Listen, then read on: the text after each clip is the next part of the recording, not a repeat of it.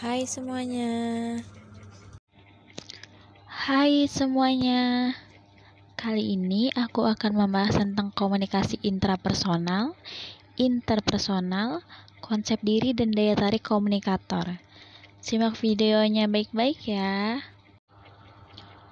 Komunikasi intrapersonal adalah komunikasi yang terjadi di dalam diri sendiri atau yang biasa disebut dengan komunikasi individu seperti berbicara kepada diri sendiri, memikirkan suatu masalah, mempertimbangkan keputusan, dan lain-lain. Ada empat proses dan tahapan komunikasi intrapersonal. Pertama, sensasi. Kedua, persepsi. Ketiga, memori. Keempat, berpikir. Contoh komunikasi intrapersonal. Pakai baju apa ya hari ini? Kenapa nilai ujianku tidak bagus semua ya? Aku nggak boleh nyerah, harus tetap semangat. 2. Komunikasi interpersonal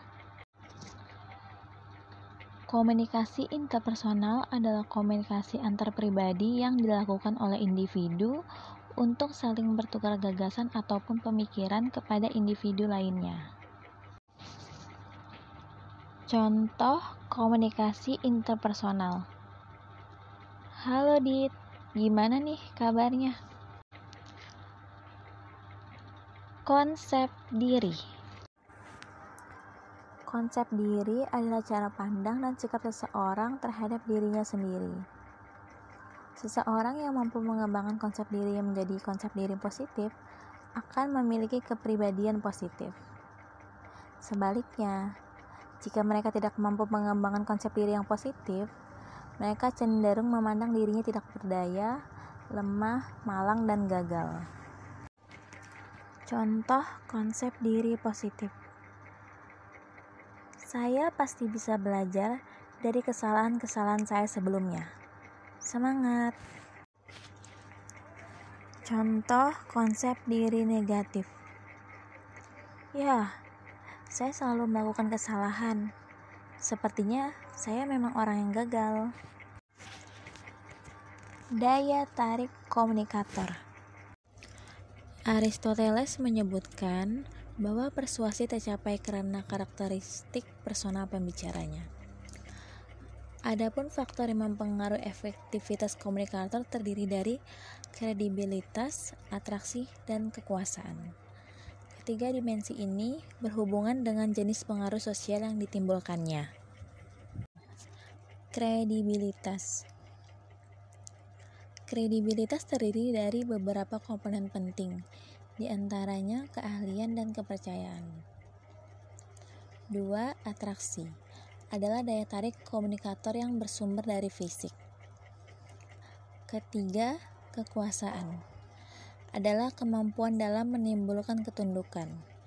Kekuasaan menyebabkan seseorang komunikator dapat memaksakan kehendaknya kepada orang lain karena ia menjadi sumber daya yang sangat penting. Hai. Hai, apa kabar? Senang sekali saya Dian Lestari bisa kembali menyapa kamu di podcast Digital Pancasila.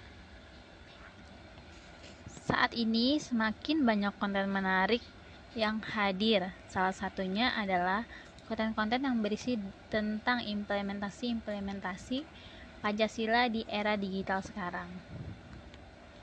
Kenapa sih penting banget menerapkan implementasi Pancasila di ruang digital?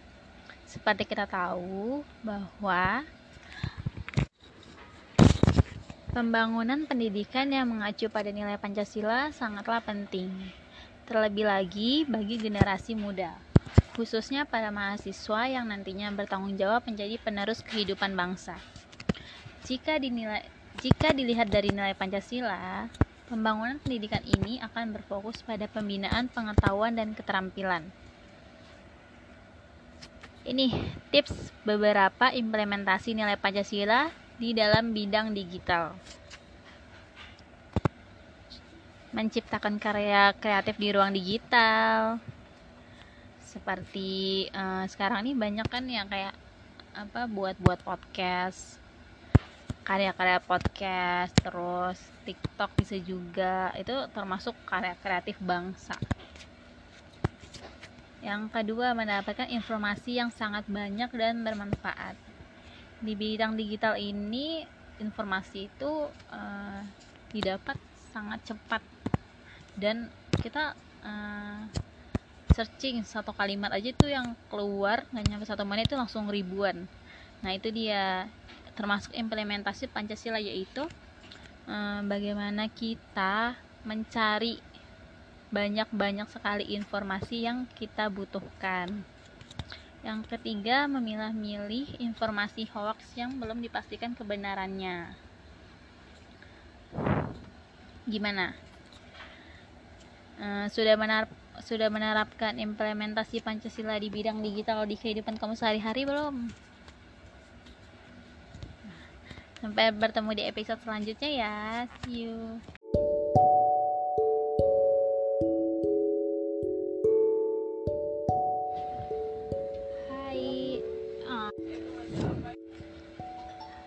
Hai, apa kabar? Senang sekali saya Dian Lestari bisa kembali menyapa kamu di podcast Digital Pancasila.